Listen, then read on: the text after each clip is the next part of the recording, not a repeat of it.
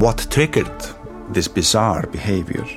Journey into the cold heart of Northern Darkness with Nordic Crimes. That case uh, became like a scene from a horror movie. A new true crime documentary series that chilled the bone. The hunger for killing is increasing in the course of these homicides. Nordic Crimes is a part of the ACAST family. Hiring for your small business? If you're not looking for professionals on LinkedIn, you're looking in the wrong place. That's like looking for your car keys in a fish tank. LinkedIn helps you hire professionals you can't find anywhere else, even those who aren't actively searching for a new job but might be open to the perfect role. In a given month, over 70% of LinkedIn users don't even visit other leading job sites. So start looking in the right place. With LinkedIn, you can hire professionals like a professional. Post your free job on linkedin.com slash people today. Hey, it's Danny Pellegrino from Everything Iconic. Ready to upgrade your style game without blowing your budget? Check out Quince. They've got all the good stuff, shirts and polos, activewear, and fine leather goods, all at 50 to 80% less than other high-end brands. And the best part? They're all about safe, ethical, and responsible manufacturing.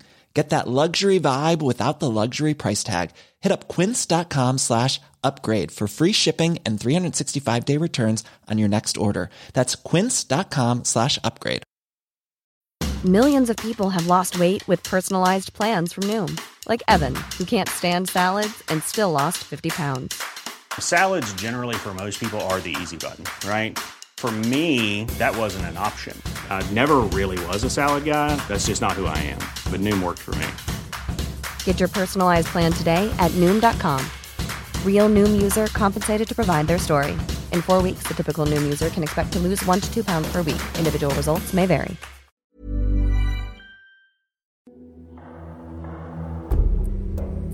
Då säger du, nej, om jag skulle göra något så skulle jag inte göra misstag. Jag har sett på alldeles för mycket kriminalarserier. Du skulle inte alls ha gjort det på det här sättet för det skulle lämna för mycket spår. Jag skulle ha gjort si och så. Jag skulle ha sopat bort. Så om jag skulle göra ett mord så skulle jag inte göra ett sånt misstag. Inte sådana där misstag. Lämna bevis i öppet och blodpölar i bilen. Trasiga fönstret så ser vi då direkt till höger ser vi hur eh, två stycken ben från en människa ligger. Om du hade lämnat din bil olåst och jag hade gjort och till exempel jag hade duttat in blod på dig, då hade du... Mm. Då hade det varit samma sak. Då hade du suttit här istället för mig. Det är lördag den 4 maj 2013 i Boden. Bacharia, en kvinna i 20-årsåldern, pluggar inför tentorna som hon ska ha kommande vecka. Hon lämnar sina föräldrars hus där hon bor och säger att hon kommer tillbaka till middagen. Hon ska till en vän för att plugga i lugn och ro. Men hon kommer aldrig hem igen. 16 dagar senare, den 20 maj 2013, i ett skogsparti vid Mjösjöberget i Boden, kliver några personer från frivilligorganisationen Missing People in i ett gult hus. En byggnad som tidigare använts av försvaret. Men det finns inte längre något militärmaterial på platsen. Istället hittar man nu något annat. Bland bråten på golvet ligger två ben från en människokropp. Du lyssnar på Svenska Brott. Den här podcasten fokuserar på brottmål och kan därför innehålla beskrivningar av våld och andra potentiellt stötande ämnen. Eftersom den tilltalade benämns som Kristoffer och med han som pronomen under rättegången och i domen kommer vi göra så även i dagens avsnitt. Vi vill dock uppmärksamma er på att den tilltalade sedan målet 2014 har genomgått en könskorrigering och nu heter Kim och använder hon som pronomen. I dagens avsnitt har samtliga namn bytts ut, utöver Kristoffer och Bacharia. Bacharia föddes år 1992 i Thailand. Efter att ha förlorat sin pappa tidigt i livet mötte hennes mamma en svensk man. Detta ledde till deras flytt till Sverige år 2004. Den då 11-åriga Vatchareeya, hennes mamma och styvpappa flyttar in i en bostad tillsammans i Boden, en tätort i Norrbotten. Vatchareeyas styvpappa beskriver att de hade en nära relation. Åka och handla och sådana grejer. Och det var som mamma, eh, pappa och dotter och hjälpte att pusha henne fram i livet när hon kom hit. Så gjorde allting för henne och hon skulle trivas och ja, känna sig bekväm. Under rättegången berättar Vatcharias mamma på thailändska om sin dotter, som kallas Ploy. En tolk översätter. ฉันเป็นไม่ใช่แค่แม่น้องพลอยฉันเป็นเพื่อนที่สนิทที่สุดด้วย Jag var inte bara mamma till Ploy, jag var även hennes bästa vän. ฉันในชีวิตของฉัน ฉันสนิทกับเขามากที่สุด ฉันไม่เคยสนิทกับใครมาก่อน Alltså i mitt liv var hon den som jag var närmast. Jag har aldrig varit närmare någon i mitt เพราะ liv. ว่าเขาไม่มีพ่อ För พ่อ det, เขาเสียตอนอายุสามขวบ för det att hon hade ingen pappa. Hennes pappa dog när hon var tre år gammal. ฉันต้องเป็นแม่ที่เข้มแข็ง จะต้องเป็นทั้งพ่อ เป็นทั้งแม่ เป็นทั้งเพื่อน Därför var jag tvungen att vara en stark mamma. Jag var tvungen att vara mamma, jag var tvungen att vara pappa och jag var tvungen att vara vän. ฉันให้ความรักกับเขาและรักเขายิ่งกว่าชีวิตของฉัน Jag, gav- jag älskar henne mer än vad jag älskar mitt egna liv. แล้วก็สอนเขาในสิ่งที่ดี สอนแต่สิ่งที่ดี ให้แต่สิ่งที่ดี Jag försökte inte bara lära henne saker som var bra. Jag ville bara lära henne bra saker. ที่เมืองไทยครอบครัวฉันเป็นผู้ดีรับราชการทุกคน แล้วก็เป็นเจ้าคุณย่าเป็นเจ้าของโรงเรียนอนุบาล Och min, i min familj i Thailand, alla mina släktingar, de jobbade på olika myndighetspositioner och en släkting till mig var också ägare av en skola. Och min mor, hon var lärare. Mm. Alla försökte lära mitt barn att bli, lära henne bra saker och att hon blev en bra person. Mm. Och så Poi då, eller Poi, hon var alltså en väldigt artig flicka och en bra flicka. แล้วก็เป็นเด็กที่ชอบช่วยเหลือคนอื่นที่แล้วก็เป็นคนที่ที่สงสารคนอื่น Mm. Hon var en som tyckte om att hjälpa andra och, tyckte, och en som, sån där som hade empati och tyckte synd om andra. เราทั้งสองคนสนิทกันมาก Mm. Och vi, var, vi två vi var บาง jättenära. ครั้งก็จะพูดเล่นกันแล้วจะกอดกันทุกวันกอดกันทุกวันหอมแก้มกันทุกวัน Mm. Vi, vi skojar med varandra varje dag, vi kramades varje dag. Vi... Vatchareeya pluggar mycket. Och när hon tar studenten 2012 kommer hon in på Luleås tekniska universitet. Under hösten samma år börjar hon utbilda sig till civilingenjör. När hon inte pluggar tränar hon karate flera dagar i veckan. Under våren 2010 har Vatcharia en tre månader lång relation med en ung man som heter Kristoffer. Hon är 17 när de träffas och han är drygt två år äldre. Han avslutar relationen den 30 maj 2010. I rätten frågar åklagaren Vatcharias mamma vad hon vet om Kristoffer. Vi har tolken som översätter hennes ord. คุณรู้อะไรบ้างเรื่องคริสโตเฟอร์ยูฮันสัน คริสโตเฟอร์ยูฮันซอนเมื่อก่อนเป็นแฟนกับลูกสาวฉันเมื่อสามปีที่แล้ว ตอนลูกสาวฉันอายุ 17 ย่าง 18 Mm. Alltså, Kristoffer Johansson han var pojkvän till min dotter för cirka tre år sedan när hon var 17 och skulle bli 18. ฉันพบเจอเขาฉันพบเขาครั้งแรกพร้อมกับสามีของฉัน เดี๋ยว ตอนสามีตอนที่ลูกสาวฉันประสบอุบัติเหตุขับรถล้ม Mm. Jag träffade han första gången tillsammans med min man då min dotter hade en olycka. เขาอยู่ข้างๆลูกสาวฉันตอนลูกสาวฉันประสบประสบอุบัติเหตุ Mm. Att Hon hade haft en olycka, mo- mopedolycka och då var, var han där jämte henne då. แล้วหลังจากนั้นฉันก็เริ่มรู้ว่าเขามาชอบลูกสาวฉัน ลูกสาวฉันก็ชอบเขา Och efter det så började jag få reda på då liksom att han tyckte om min dotter och att min dotter tyckte om หลั honom. งจากนั้นเขาก็จะมาที่บ้านฉันบ่อย Och efter det มานอน så, ค้างประมาณสามครั้ง mm. och efter det så började han komma hem till mig ofta och han, jag tror han sov över tre เขาเป็น gånger. คนค่อนข้างขี้อาย ไม่ค่อยสู้หน้าฉัน Mm. Men han var ganska blyg liksom. Han, แต่ han เขาชอบพูดกับ tittade, ลูกฉันฝากมา mm. Men han ว่า tyckte ฉันทำไมชอบใส่พัชโตวอยู่กับบ้านนุ่งพัชโตวอยู่กับบ้าน เพราะว่าฉันไม่รู้ว่าเขาจะโผล่มา Jag visste inte att, liksom, att han, han pratade hela tiden med min dotter för han ville vara hemma hela ฉัน tiden. ทำกับข้าวฉันดีใจมาก Förlåt, det där uppfattade inte jag. Jag var jätteglad att min dotter hade en pojkvän liksom, så jag lagade mat และ till ฉัน honom. เชิญเขาให้มาทานข้าวด้วยกันที่ในห้องอาหารห้องครัว แต่เขาบอกกับลูกสาวว่าเขาไม่ออกไปกินด้วย เขาจะออกไปกินข้างนอก Men alltså jag bjöd in honom att komma och äta i köket och mat som jag lagade. Men det sa, sa han till min dotter att han ville inte göra det. Han ville äta ute istället. Kristoffer växer upp i norra Svartbyn i Boden. Han blir mobbad i skolan och diagnostiseras tidigt med Asperger och ADD.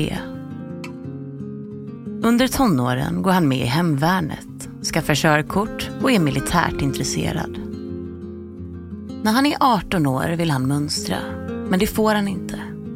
Och efter det får han inte något jobb, men har praktikplatser till och från som vaktmästare. Han spenderar mycket av sin tid med att spela airsoft-spel med sina vänner. Airsoft-spel är en taktisk och militärinspirerad sport eller hobby där deltagarna använder luftvapen som kallas airsoftgevär för att simulera strider och scenarier.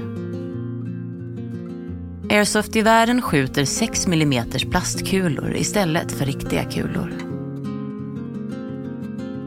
Tre till fyra gånger i veckan får Kristoffer besök av LSS-personal som hjälper honom i vardagen. Den 27 juli 2012 återupptar Vatcharia kontakten med Kristoffer på Facebook. Efter det byter de telefonnummer, börjar smsa och ses ibland. Vatcharias mamma berättar under rättegången att hon inte visste att de hade kontakt igen.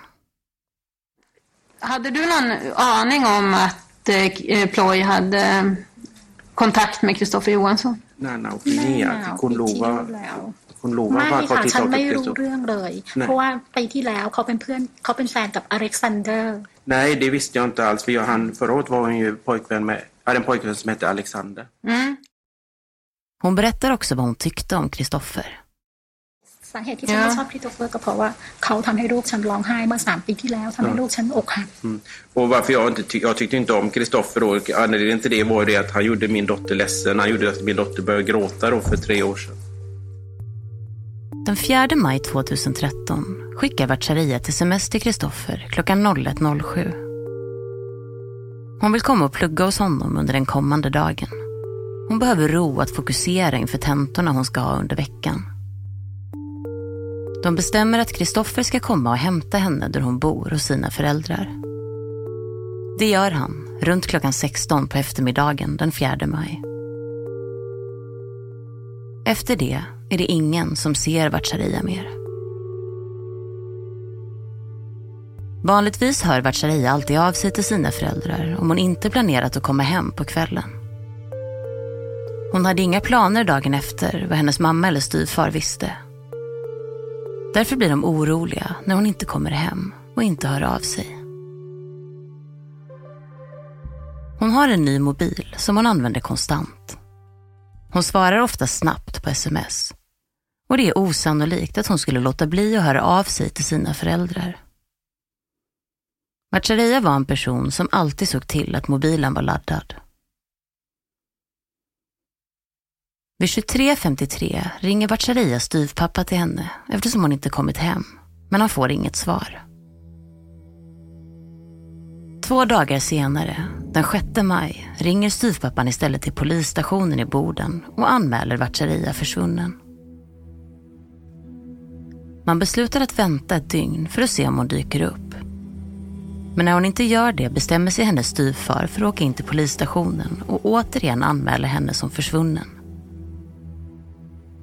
I det här läget inser polisen att det är allvar. Polis, militär och frivilliga från organisationen Missing People börjar söka efter henne. Styvpappan berättar för polisen att hon skulle till en kompis under kvällen då hon försvann. Men han vet inte vem kompisen är. Det får man reda på först två dagar senare. Kristoffer påstår under rättegången att han får veta att Vatcharia är försvunnen först den 8 maj när hans bror, som är medlem i Missing Peoples grupp på Facebook, berättar det för honom. Nej, det, det, alltså jag hade fått veta via brorsan att han var med i någon grupp som heter Missing People på Facebook. Och så sa han liksom, ja men hon är, tydligen så är hon borta och jag liksom bara, jaha, ja. Alltså jag visste ju inte vad Missing People var då så jag, jag tänkte att det var någon sån här skämtgrop grupp på Facebook. Så, men alltså, jag liksom bara, jaha. Mm, Hon är borta. Visste du att det var ploj man pratar om då? Ja, alltså han, eh, han eh, ville då att, eller han visade mig då när jag var hemma och liksom, jag mötte han hemma hos morsan och farsan. Jag skulle kolla vad gjorde, se om han behövde sällskapen. Och, men han var inte hemma utan det var brorsan där och typ skulle hämta ett släp eller något. Så då liksom bara, ja men hon, hörde, så har du hört att din, för att, att alltså, din före detta flickvän är borta? Så. Och då liksom, ja, va? Hur vet du det? Ja, men jag är med på Missing People. Jag såg på Facebook så här, och så visade han en bild och bara. Eh, hon såg senast där, där, där, där. Så liksom. Eh, ja. Alltså jag, jag blev som paff och så. Eh, jag, jag tog det som inte riktigt på allvar eftersom att jag aldrig hör, hade hört talas om Missing People. Så jag visste inte vad det var för grupp. Så, men när jag kom hem så ringde poliserna och liksom eh, så sa de, ja men vi behöver snacka med dig. Jag, liksom, jag, visste inte vad det handlade om då så då liksom, ja men okej, kom igen, kom hem. Efter det deltar Kristoffer och några av hans vänner i sökandet. Eh, varför sluta? De måste ju fortsätta söka. Så, men då liksom ringde jag och jag tror och så liksom för detta flickan har försvunnit. Och så, Du drog ihop dina kompisar? Ja.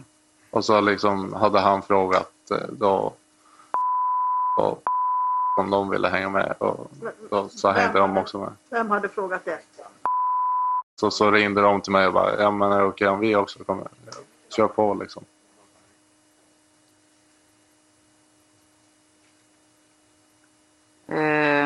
Och sen åkte ni ut. Ja, Mm. Använde ni din bil? ja, Ja. Och då var ni fyra killar om jag har förstått det rätt. Kan det stämma Ja. då? Bröderna de och så du. Ja.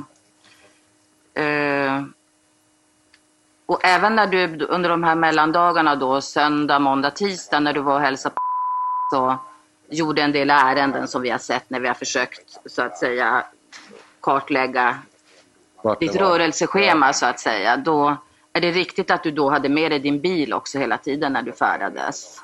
Ja, de gångerna jag var så hade Ja. jag bilen där. Ja, men även när du var ute och handlade? Och... Nej, alltså när vi, var, när vi väl var inne i stan hos så gick vi inte till stan. När vi skulle handla. Då. Mm. Okej. När polisen går igenom signallistorna från Bacharias telefon kommer man över Kristoffers namn för första gången och ser att hon varit hos honom under kvällen hon försvinner. När polisen får tag på Kristoffer berättar han att Vatcharia kom till honom efter fyra på eftermiddagen efter att han hämtat henne med sin bil. Att hon pluggade hos honom innan hon lämnade hans lägenhet runt klockan nio på kvällen. Eftersom han var den sista som såg henne blir han intressant för polisen. Och misstankarna mot Kristoffer växer. Under sökinsatserna, som han är med på, beter han sig märkligt. Han låtsas ringa till Vatcharia och uppvisar andra besynnerliga beteenden som folk reagerar på.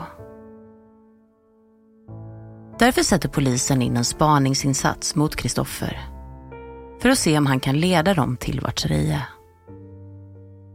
Men insatsen läggs ner när han inte gör något anmärkningsvärt och den inte leder till några nya uppslag. Samtidigt spanar man på en annan person som är av intresse. Vatcharias karatetränare. Han är född 1963, jobbar som lärare och driver en sushi-restaurang. Åklagaren frågar Vatcharias mamma om relationen till karatetränaren. Jag förstår. Eh, vad kände du till om Ploys relation till sin karatetränare? คุณรู้อะไรบ้างไหมเรื่องสัมพันธ์กันโดยเก็บแต่ครูฝึกคาราเต้ ไม่รู้เลยค่ะ แต่พลอยจะ พพูดแบบว่าชื่นชมว่าผู้ชายคนนี้เก่ง มีความสามารถหลาย ๆ อย่าง Ja, แต่ visst. ไม่รู้เรื่องอื่นเลย Ja, Jag visste egentligen ingenting, men de bruk, pratade ofta om honom, att han var en duktig, ja, men han var en duktig person och så här, liksom, men mer än det visste jag inte. รู้แต่ว่าเขาเคยมารับลูกสาวฉันไปเลี้ยงฉลองตอนลูกสาวฉันสอบเข้ามหาวิทยาลัยผ่านเขาให้ของขวัญโดยการพาไปเลี้ยงกินที่ร้านอาหาร Ja. Men jag vet bara då när hon gick klart gymnasiet så att var, kom hon, han och hämtade henne och tog med henne ut och liksom firade studenten med henne. Liksom. Men efter att Vatcharia försvinner hittar hennes mamma sin dotters lösenord till Facebook. Hon loggar in och upptäcker en konversation med tränaren. Där framkommer det att Vatcharia haft en relation med honom. Hon har haft intensiv kontakt med den 29 år äldre tränaren via sms och Facebook. Och det finns sexuella inslag i kommunikationen. Under rättegången berättar tränaren om sin relation med Vatcharia. Eh, hon började att träna på eh, våran klubb. Eh, kan det vara 2012? Jag kommer inte ihåg exakta datumet eller när hon började. Ja. där. Och eh,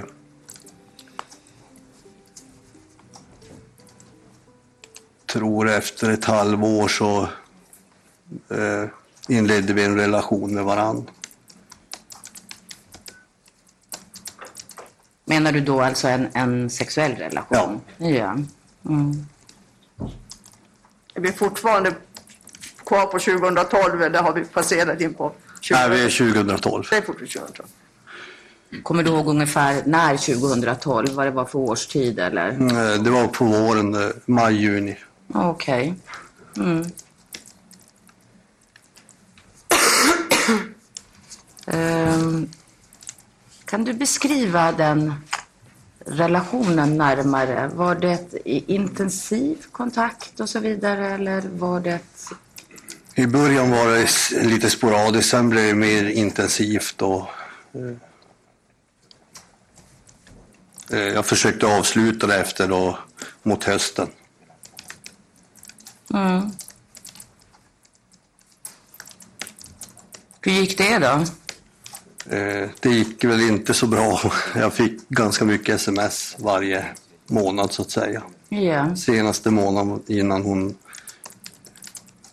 försvann eller blev mördad så fick jag väl 2000 sms eller meddelanden. Ja. Men, Förlåt, 2000 sms eller? ja, 2000 sms meddelanden Mm. på telefonen. Sen var det ju på Facebook hade, fick jag också massor av, nästan lika mycket. Okej.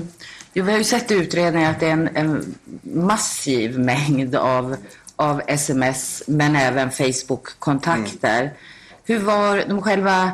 Eh, att ni träffades, var det eh, lika intensivt eller när avslutades det, om det har avslutats? Eh, ja, vi träffade, I och med att hon tränade så träffades vi ju i alla fall två gånger i veckan ungefär Ja.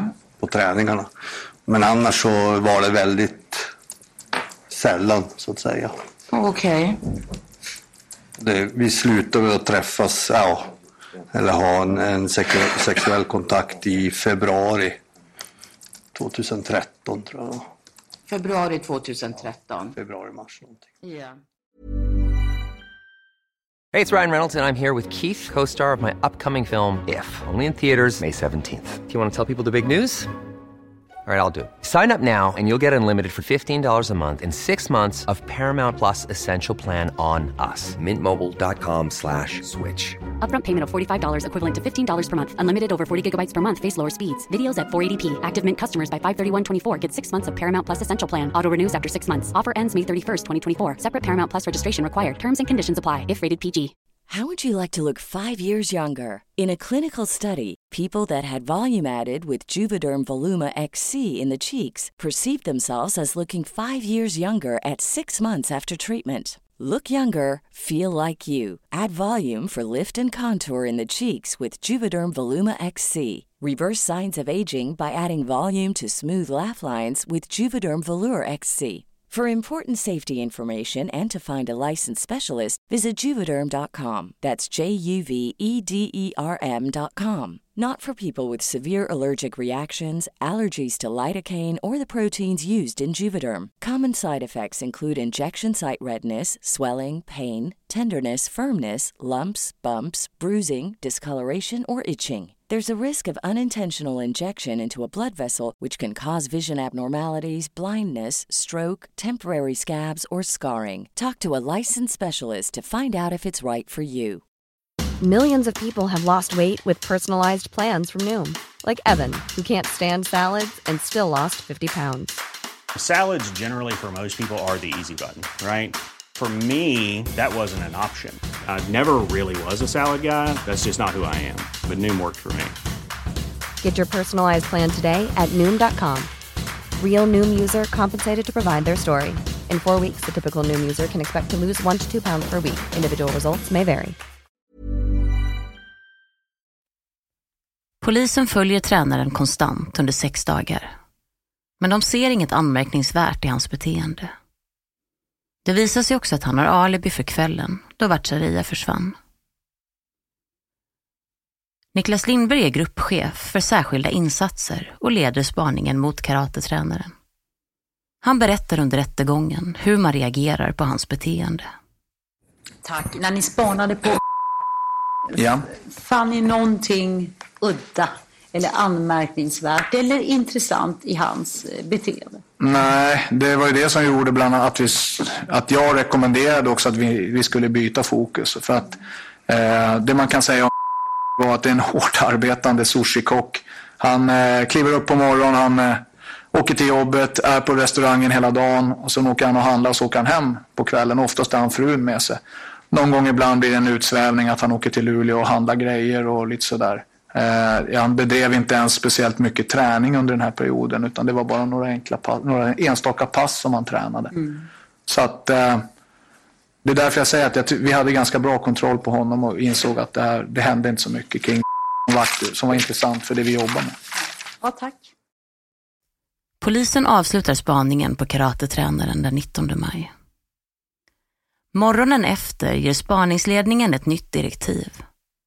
Man sätter in en ny spaningsinsats mot Kristoffer istället, tidigt den 20 maj. Det är senare samma dag som man hittar kvarlevor när frivilliga från Missing People tar sig in i det gula huset vid Mjösjöberget i Boden. Där hittar de två ben från en människokropp. De larmar polisen direkt. Kriminaltekniker Martin Almen berättar under rättegången om när de undersöker benen och platsen där de hittas. fönstret så ser vi då direkt till höger ser vi hur eh, två stycken ben från en människa ligger. Det kan man se på skissen till exempel i bild 4, sidan 7.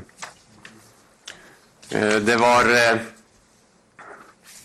Benen låg ungefär 170 centimeter från fönsteröppningen eh, på delvis en eh, träplanka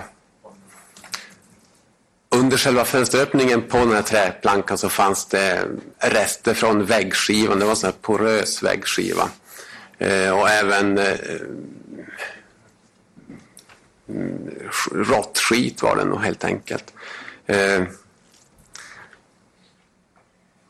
när vi då tittar på benen som låg där så konstaterar vi att de såg väldigt rena ut när man tittar på dem lite närmare så ser man, man kunde skönja eh, lite tunna, tunna blodstrimmor, men, men ingenting eh, mer. När vi lyfte bort benen och tittade på underlaget så konstaterade vi där att det fanns väldigt, väldigt lite blod. Bara, bara en liten, liten strimma på eh, golvplankorna. Vilket gör då att eh, vi konstaterar att det här inte är själva brottsplatsen, det är inte någon styckningsplats utan det här är en fyndplats. Kriminalteknikerna topsar också vristerna efter DNA. Eftersom det är logiskt att den som hanterat benen hållit i just vristerna. Snart kommer Statens kriminaltekniska laboratorium, SKL, att hitta en match för DNAt. Två dagar senare, den 22 maj, hittar personal från militären en kvinnokropp i en grop ungefär 160 meter från det gula huset. Den nakna kroppen saknar ben, händer och en höftkula där den ligger täckt med sten och trädstammar. Kriminaltekniker Martin Almen berättar igen. Kroppen anträffades utav eh, personal från militären som var delaktiga i eftersöket.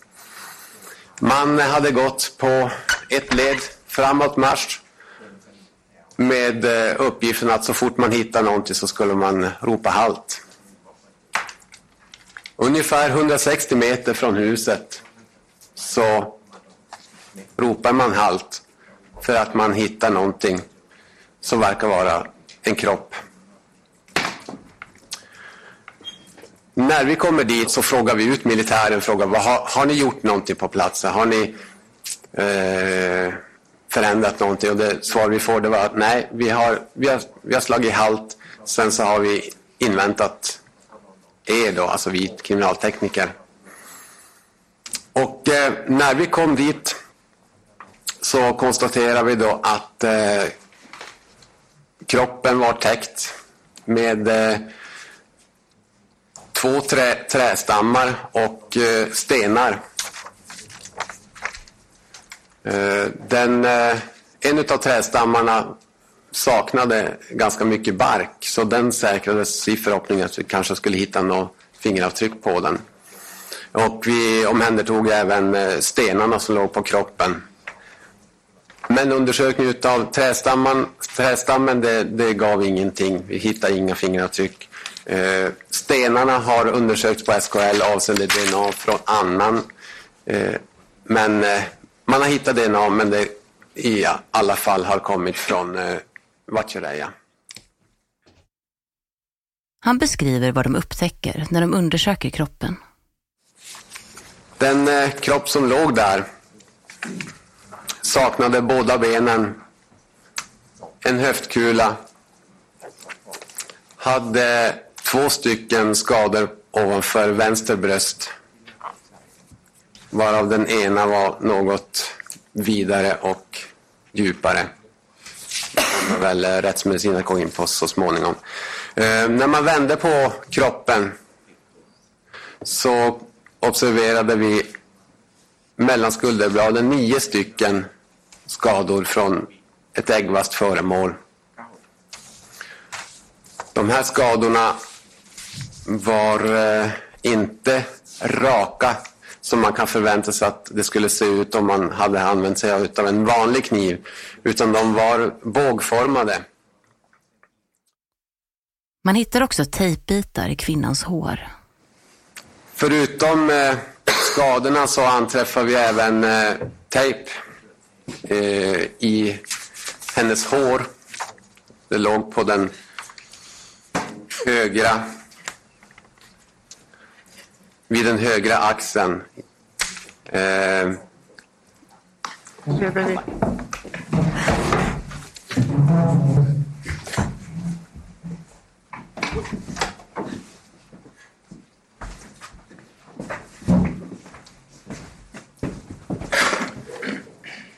då det inte fanns någonting som tydde för att tejpen skulle ha använts vid någon form av strypning så, så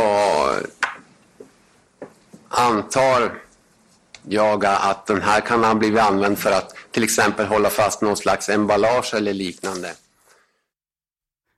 Man misstänker att både benen och kroppen har tvättats innan den har styckats. Om kroppen, du berättade ju om benen som du uppfattade som Ja, just det. Men kroppen, hur var det med den? Mm. Eh, Även kroppen hade ju samma typ av eh, tunna, tunna eh, blodrinningar på sig vilket gör att, att även kroppen rimligen har varit, blivit tvättad. Mm. Eh, för att eh,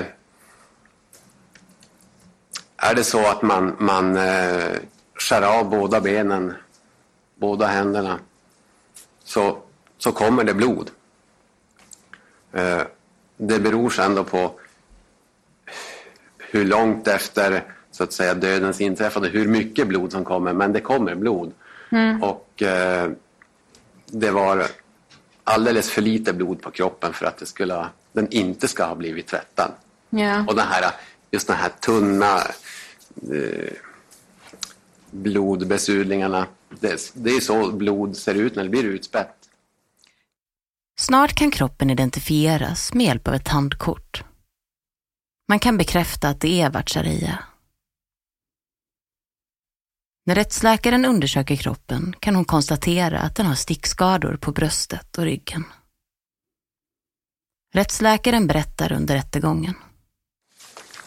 Och vi har vid obduktionen øh, påvisat øh, skador mot huvudet med en blödning i huvudsvålen, øh, mot bålen med skarpkantade sårskador i huden, i hjärtat, i lungorna. Vi har påvisat överhudsavskrapningar, underhudsblödningar och inre blödningar. Øh, mot øh, de övre extremiteterna har vi påvisat överhudsavskrapningar och underhudsblödningar øh, och mot benen fanns överhudsavskrapningar.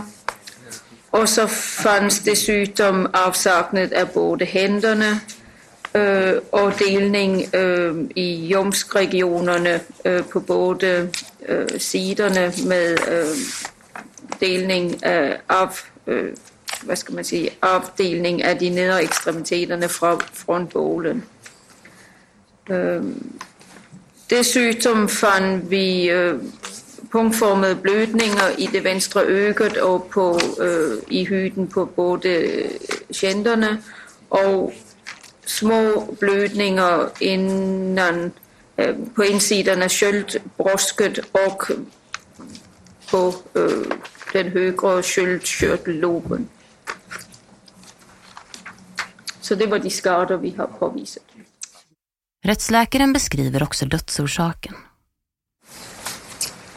De skador som har orsakat øh, döden øh, är, se, øh, det är de skarpkantade sårskadorna øh, på bröstkorgen och på ryggsidan som har skadat lungor och hjärta med yttre och inre förblödning samt luftinträde till øh, lungsäckarna. Du har lyssnat på del 1 av Styckmordet i Boden. Mitt namn är Tove Wahlne. Exekutiv producent är Nils Bergman. Tack för att ni har lyssnat.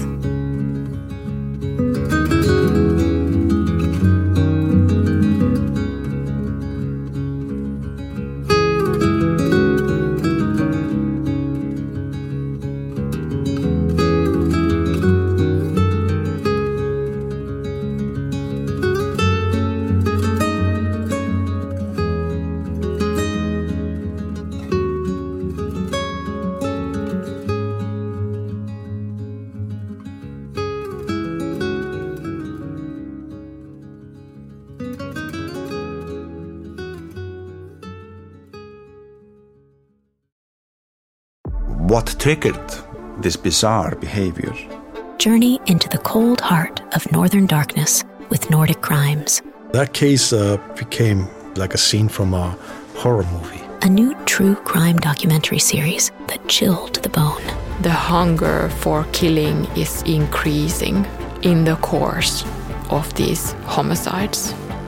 Listen on Apple Podcasts, Spotify, or wherever you get your podcasts. Nordic Crimes is a part of the ACAST family.